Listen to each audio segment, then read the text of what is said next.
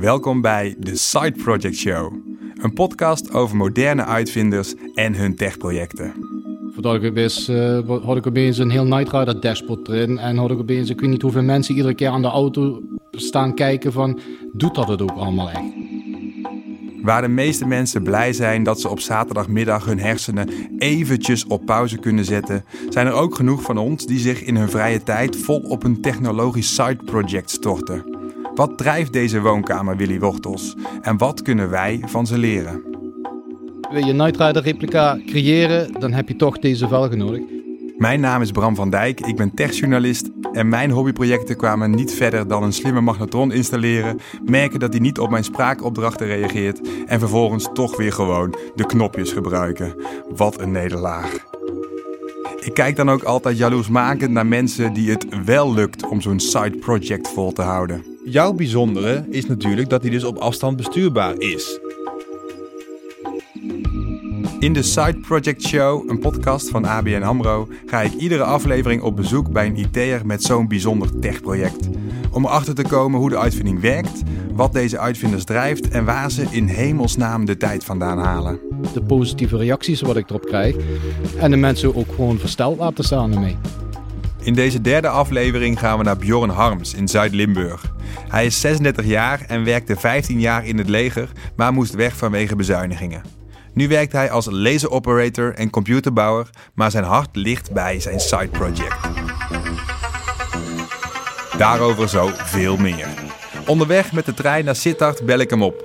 Hey, goeiedag. Hey, goeiedag. Hey, we zouden nog even bellen als we er uh, beide zouden zijn. Maar over een kwartiertje ongeveer uh, zijn wij op Sittard. Oké, okay, dan uh, ga ik nu vertrekken. Nou, super fijn. kom jij zelf of stuur je alleen je auto? ja, nee, kom maar mee. Oké, okay. is leuk man, tot zo. Ja, is goed, joh. Hoi. hoi. Nou, leuk man dat we er zijn. Ja, ja. leuk om bij jou hier in de auto te zitten. En deze auto, heb je hier ook wat aan gedaan? Uh, nee, dit is voor mijn vriendin en daar mag ik echt niks aan doen. Tja, dat is jammer, maar Bjorn heeft het druk genoeg. Hij brengt ons naar zijn huis waar hij sleutelt aan zijn droom. Een replica van Kit, de auto uit de serie Knight Rider. Populair geworden in de jaren 80. David Hasselhoff speelt Michael Knight die het opneemt tegen het kwaad. En Kit helpt Michael en geeft hem graag ongevraagd advies. Just a minute, Michael. Ready, Michael. We gaan zitten aan zijn tafel en ik vraag hem waar de liefde voor auto's vandaan komt. Dat is begonnen waar ik nog heel klein was. Uh, ik geloof eh, van kinds af aan, eh, met vier jaar, vijf jaar, ik wou altijd auto's hebben. Gewoon gaf me speelgoed, moest altijd een auto zijn. En uh, de mate ik ouder werd, ja, toen kwamen dus ook de favoriete films van me. Je had dus de serie van Knight Rider. Nou, dat was, de hoofdrolspeler was eigenlijk een auto. Back to the Future, hoofdrolspeler was een auto. Het waren gewoon allemaal de favoriete series waar dus de auto de hoofdrolspeler was. Oké, toen ging je dus naar uh, Back to the Future kijken, de, de Night Rider kijken. En dacht je toen ook al, ik wil dit ooit gaan maken? Ik heb altijd vroeger al gezegd van, ik ga me later zo'n auto halen. Oh ja? Ja, ik, ik zei als klein kind, ik zou later als ik mijn rijbewijs heb, ga ik een Firebird halen.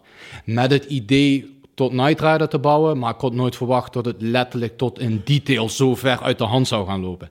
Wat zeiden de mensen om je heen? Geloofden ze je? Uh, gelul.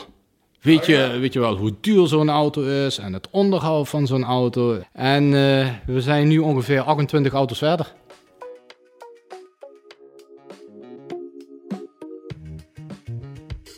Wil je me even meenemen naar het moment dat jij je eerste auto ging kopen? Dat moet voor jou, van, als een jongetje van, van jongs af aan al gek bent van auto's... dan eigenlijk je eerste echte eigen auto kopen, dat moet fantastisch zijn geweest. Wil je, wil je eens vertellen hoe dat ging? Mijn allereerste auto, dat was een 1990er Toyota Celica. Een witte. Zou ik ook nooit vergeten. Ik had mijn rijbewijs al met 17, omdat ik dus uh, met 17 leger in ben gegaan. En ik had de auto ook al gekocht toen ik 17 was. Dus uh, ja, op het moment waar ik 18 was en ik had mijn rijbewijs vast in mijn handen en mijn allereerste auto, ja, dat is gewoon een verademing, dat is vrijheid, dat is gewoon, dat is onbeschrijfelijk. Wat heb je meteen gedaan met de auto? Night lampjes erin bouwen. maar ja, goed, het, zo was het eigenlijk allemaal begonnen. En toen ook mijn tweede auto, dat werd dus mijn eerste Firebird. En hoe was het om die te kopen, om, die, eh, om eigenaar te worden van je droomauto? Eh, toen terug in die tijd als 19-jarige een Firebird te hebben, dat was best wel een heftig ding. En vonden jouw vrienden, waren die onder de indruk van de auto of vonden ze je een beetje een aansteller? Uh, nee, ze waren in het algemeen wel aardig onder de indruk. Dus uh, ze waren wel verbaasd dat ik opeens uh, die Night Rider plannen allemaal door aan het zetten was. wat ze dus hadden verwacht dat dat toch niet ging gebeuren. Dus ja, en voordat ik opeens, had ik opeens een heel Night Rider dashboard erin. En had ik opeens, ik weet niet hoeveel mensen iedere keer aan de auto staan kijken van, doet dat het ook allemaal echt? je wilde ook wel bewijzen dus dat het kon, dat jij het kon. Ja, precies. Niet zozeer tegenover hun, maar echt meer tegenover mezelf en ook mijn, mijn kinderdroom als het ware waarmaken. Maar wat is de lol dan van jou? Want er gaat zoveel tijd in zitten en je, je hebt al een baan. Eh, waarom, waarom zou je dit nog doen? Ja, waarom zou je dit doen? Het is uh, ja, eigenlijk een paar redenen. Het is de uitdaging, dat ten eerste. En ja, dus ook mezelf proberen iedere keer te overtreffen met nieuwe projecten, met nieuwe ideeën te komen. Uh, en het is ook de reactie van mensen die wat het gewoon niet kunnen geloven, de, de, positieve reacties wat ik erop krijg. En de mensen ook gewoon versteld laten staan ermee.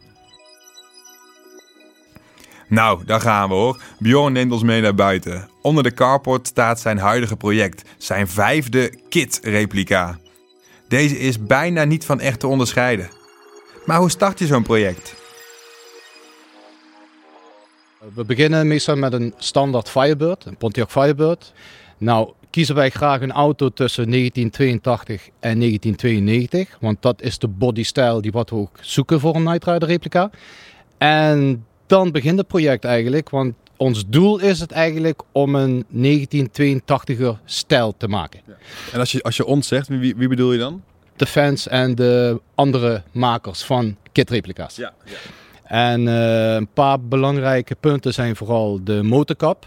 Die zijn uh, ook heel moeilijk te vinden, want er zit een, een bulge in. Zo, noem, zo noemen we dat. Laten we even naartoe lopen, dan kan ik even met je meekijken. Oh, er zit een soort van, uh, ja, een soort extra, een soort een ruggen, ja, wat is het? Een, een hoedscoop. Een hoedscoop? Ja, noem, noem het daar maar. Want uh, daar wordt als het ware de lucht die wordt door de, de, de fans getrokken, zodat de motor meer lucht krijgt, dus je hebt meer power. Ja. Maar essentieel dus als je een replica wil maken? Dat is een echte must, wil je een kit replica maken. een paar andere punten zijn de velgen. Ook heel simpel eigenlijk. het zijn als het ware turbofins, hoe noemen we het? en daar zitten dus gewoon wielkappen eigenlijk op vinden de meeste mensen super saai. Maar wil je Night Rider replica creëren, dan heb je toch deze velgen nodig. En deze zijn vrij moeilijk te verkrijgen, maar ze zijn ook vrij prijzig. Want de mensen die wat ze verkopen, die weten dat de Night Rider gekken die graag willen hebben. Dus ze vragen ook altijd veel geld ervoor. Uh, maar wat zien we verder aan de binnenkant wat echt typisch Night Rider is? Eén ding wat gelijk opvalt is een behoorlijk groot dashboard die loopt behoorlijk ver uit. Die loopt een beetje over het middenconsole heen, over, uh, over de pokerswaren. En dat hele dashboard dat zit vol elektronica. Uh, precies zo hoe je het uh, normaal gesproken in de serie ziet. Nou, wat het mooie is nou tegenwoordig van de nieuwe hobby en elektronica, die is natuurlijk veel verder gevorderd als vroeger, zoals in de serie. Is alle elektronica die kun je tegenwoordig kan en klaar kopen en het is allemaal functioneel.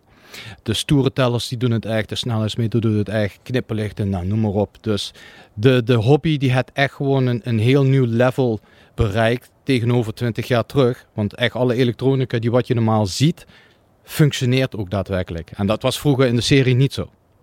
Jouw bijzondere is natuurlijk dat hij dus op afstand bestuurbaar is. En waar kan ik dat nu zien dan in de auto? Zie ik dat al ergens? Um, ik kan wel een paar dingen proberen aan te geven. Als je het handschoenkastje waar je nu je hand op hebt, als je die openmaakt, dat, ja? dan zie je daar een servo zitten. Ja, wat, nee, ik weet niet, wat is een servo? Een servo is eigenlijk gewoon een motor. Ja. Uh, die kan, uh, doordat er stroom op komt, kan die bewegingen maken. Ja, dus er, kan iets mechanisch, er wordt er iets mechanisch van, zeg maar. Je kunt een, een, een gaspedaal indrukken bijvoorbeeld. Precies, en die waar je nu tegenaan bent kijken, in het handschoenkastje, die trekt aan de, de pook ja. van de versnelling. En dan kan ik dan met mijn besturingssysteem kan ik de pook van park naar reverse of naar drive laten gaan. En zo heb je dus al een motion om te kunnen schakelen. Ja. Hoe gaat hij dan van zijn plek af? Hoe kom je dan bij, de, bij het gaspedaal en bij de rem uit? Nou, ik heb dan eh, zo'n dergelijke servo. Die heb ik dan boven het gaspedaal gemaakt. Zal vast een beetje moeilijk te zien zijn. In, hoor. Even kijken. Wat zie ik? Jeetje, het is echt een spaghetti hier van draden. Kan ik nog dingen kapot maken? Hier Bjorn of valt het mee? Ja, valt wel mee. Oké. Oh, volgens mij zie ik hem, ja. Die servo die kan dus met een, eh, een stalen draad, zou ik maar zeggen, een Ja. soort remkabel. Die trekt dan aan het gaspedaal, waardoor ik dus radiografisch gas kan geven. En hetzelfde systeem voor eh, de rem, neem ik aan. Ja, als je achter de rempedaal kijkt, zie je twee draden lopen. Oh ja. ja. Nou, dat zijn twee remkabels. Die lopen door de firewall. De firewall, dat is een gedeelte eigenlijk wat het interieur onderscheidt van de motorruimte. W- werkt het al of niet? Eh, ik heb één heb ik sowieso al aangesloten. Kunnen we, het, kunnen we dat zien? Kun je, kun je de auto starten en eh, laten zien hoe dat werkt? Ben ik benieuwd. Even voor de duidelijkheid. Bjorn heeft een auto gebouwd die je kan besturen met een controller. Dus zonder dat je zelf achter het stuur zit. Je hoeft zelf niet eens in de auto te zitten.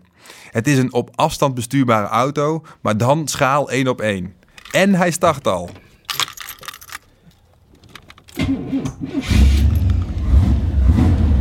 Misschien kun je het ook horen dat het een V8 is. ik spreek niet zo goed auto's. Aan alle belangrijke besturingsonderdelen, zoals de versnellingspook, de rem en het gaspedaal, heeft hij een servo verbonden. Dat is een kleine motor met een ontvanger, zodat hij deze kan aansturen met de controller. Ik ga nu, ik ga nu mijn eh, RC-systeem die ga ik nu aanzetten. Ja, Bjorn heeft nu een eh, soort van eh, ja, een controller in zijn hand, waarmee hij dus de auto kan gaan besturen. En de remconstructie heeft hij al werkend. Oké. Nou, als ik dus nou met mijn vinger naar voren beweeg. Ah, daar gaat hij. Kijk nou. Alsof er een technisch Lego eh, mini-kraantje aan het draaien is. I- inderdaad, ja. Je kunt het een beetje vergelijken met een klein robotarmpje die wat aan de remkabel trekt. Dit is wel elegant, vind ik, dat hoe hij het doet. Ja, hè? Heb je nu nog meer werkend, of is dit wat je nu werkend hebt? Nou, je kunt dus zien als ik dus met mijn vinger naar voren ga, Ja. dat ik dan kan remmen. Ja. Maar als ik nou de vinger naar me toe trek, Ik vind dit al magisch hoor. Hij rijdt nog niet, maar hij klinkt al wel. ja, de, de meeste functies die doen het al, maar er zijn een paar dingetjes die moet ik nog eh, nagaan en gewoon meer testen voordat ik dus de echte weg op ga. Eh, Oké, we kunnen eh, gas geven, we kunnen remmen. Het lijkt mij nog handig ook te kunnen sturen. Ja, dat lijkt me inderdaad ook een hele goeie. Nou, als we naar de motorconstructie kijken, zien we naast de motorconstructie zien we een, een soort beugelconstructie met een hele dikke motor eraan. Ja. Aan die motor daar zit een pulley en als we die pulley vo- volgen, die gaat richting de stuuras met een, eh, een hele dikke zware riem. Ja. Als we terug naar onze pistoolgreep kijken, zit hier een, eh, een soort wiel aan de zijkant van de pistool. Als we daaraan draaien, Kijk, daar gaat hij hoor. Ja hoor. zien we dus het stuur. En de banden ook mee inderdaad. Wow. Kinderspeelgoed lijkt het zo. Oké, Het is eh, heel groot, duur kinderspeelgoed, ja. zet hem maar uit. Ja, rust. Het is koud en donker geworden, dus we gaan naar binnen. Bjorn was van kinds af aan al gegrepen door de techniek van een auto, maar toch kwam hij bij zijn eerste baan bij Defensie niet in een technische functie terecht. Nou, ik ben dus eh, met 17 ben ik eh, binnengekomen. En eh, heb ik eerst een militaire opleiding heb ik, afgerond. Dat duurde, als ik me niet vergis, zes maanden. Toen ben ik bij een parate eenheid gekomen. Ik ben begonnen in Nunspeet als soldaat 1. Eh, daar heb ik zes jaar op 10 tonners gereden. En dat eh, zijn dus vrachtwagens met een hijskraan achterop. Ehm, ik ben ook twee keer op uitzending geweest. Ik ben naar Bosnië geweest en naar Irak. Ja, ik heb toch ook enkele dingen gezien, vooral ook gehoord van collega's, die eh, zelfs een paar die wat er zijn omgekomen. En ja, het is toch wel gewoon een heftige locatie. Na zo'n heftige missie was het voor Bjorn weer fijn om terug te komen. Thuis bij zijn auto's had hij zelf weer volledig de controle. En op zijn werk werd het ook een stuk rustiger. De rest van de periode heb ik gewerkt bij Brunsum eh, NATO Headquarters. Eh, een beetje raar misschien, maar daar was ik barman.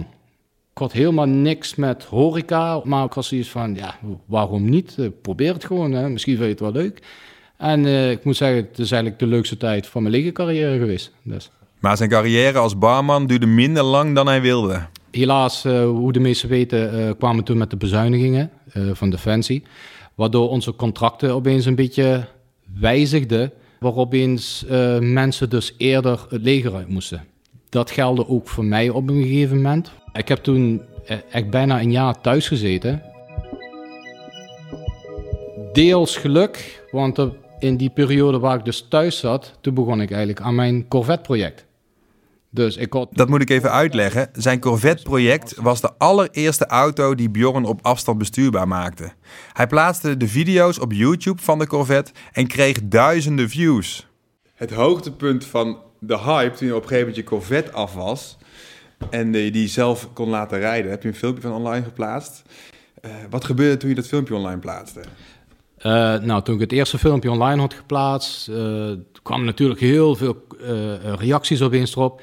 En de meeste reacties waren allemaal: dit is fake. Dit, dit kan niet, dit is onmogelijk. En, en hoe heb je het sturen laten doen? Want dat is hydraulische sturing, geen elektrische sturing.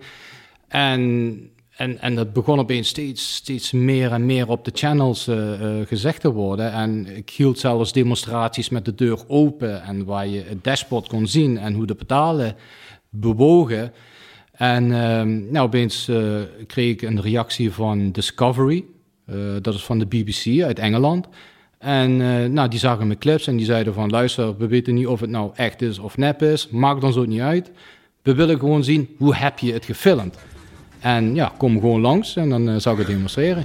Maastricht, Holland, where apparently cars park themselves. We've seen driverless cars before, and they're normally packed with wires and electronics. But in this case, we can't see any controls, and it's doing donuts. Created by Bjorn Harms. Voordat ik het wist, kwam ik in, in een programma van... Uh, die gaan als het ware de wereld gaan ze langs... en die gaan dus kijken met mensen met aparte projecten. Het is als het ware een top 20... En dan gaan ze van 20 gaan ze naar 1 aftellen wie de mooiste of de beste uitvinding had. En uh, nou bleek dus met de eerste aflevering wat uitkwam dat ik op nummer 1 stond. Omdat ze toch, ze waren verbaasd van hoe goed het werkte. Maar ook hoe goed het allemaal uit zich was. En dat voor iemand die wat helemaal geen technische achtergrond in auto's of computers heeft. Dus dat was wel apart.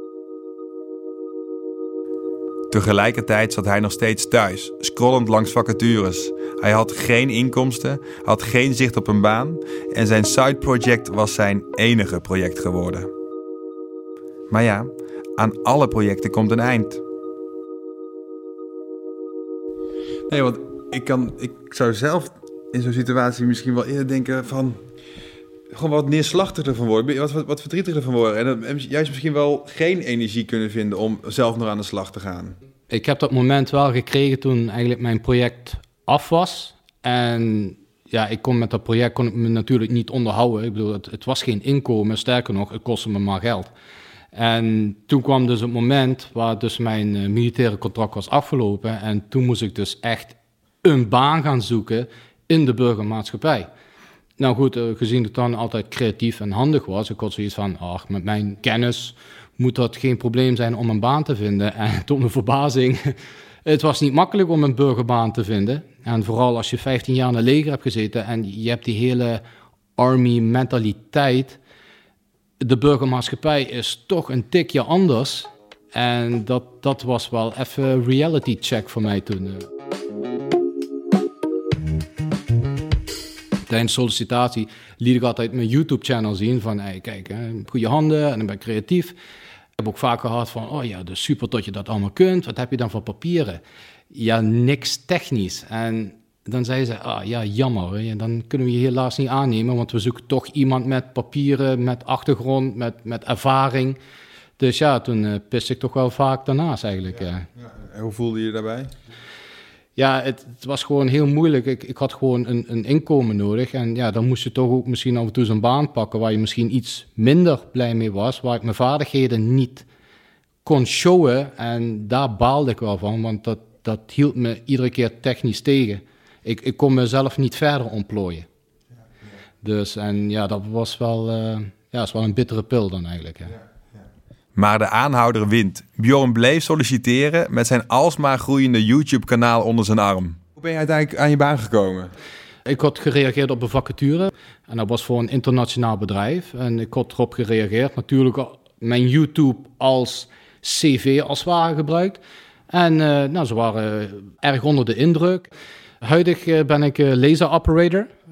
en dan kan ik met 2D-tekeningen. En dan kan ik heel kieskeurig dus uit diverse materialen, diverse vormen snijden. Ja, dus zonder meer een, een interessante baan. ik heb ook best veel geleerd, moet ik zeggen. Maar ik hoop toch meer mijn ambitie achteraan te kunnen gaan en toch meer richting meer in de elektronica wereld.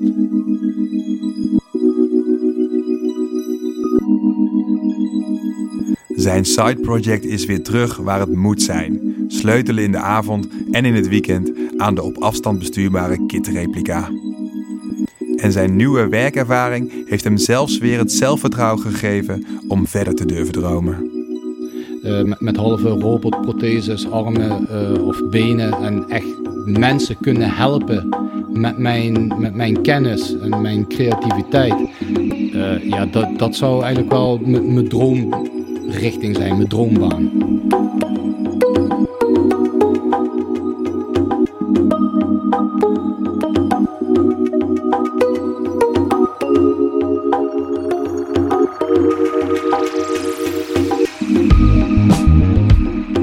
Je luisterde naar de derde aflevering van The Side Project Show, een podcast van ABN AMRO. Ben je benieuwd naar de andere bijzondere techprojecten? Abonneer je dan nu op Side Project Show in je favoriete podcast-app. En luister volgende week naar de vierde aflevering. Dan zijn we bij Jori in Utrecht en zij ontwikkelde een platform waarop je plantenstekjes kunt ruilen. Meer weten over deze podcast en waarom ABN AMRO dit doet? Of ben je op zoek naar een uitdagende baan in IT? Kijk dan op abnamro.com slash sideprojectshow. De Side Project Show wordt geproduceerd door Dag en Dag Media. Het sounddesign is van Studio Cloak en ik ben Bram van Dijk.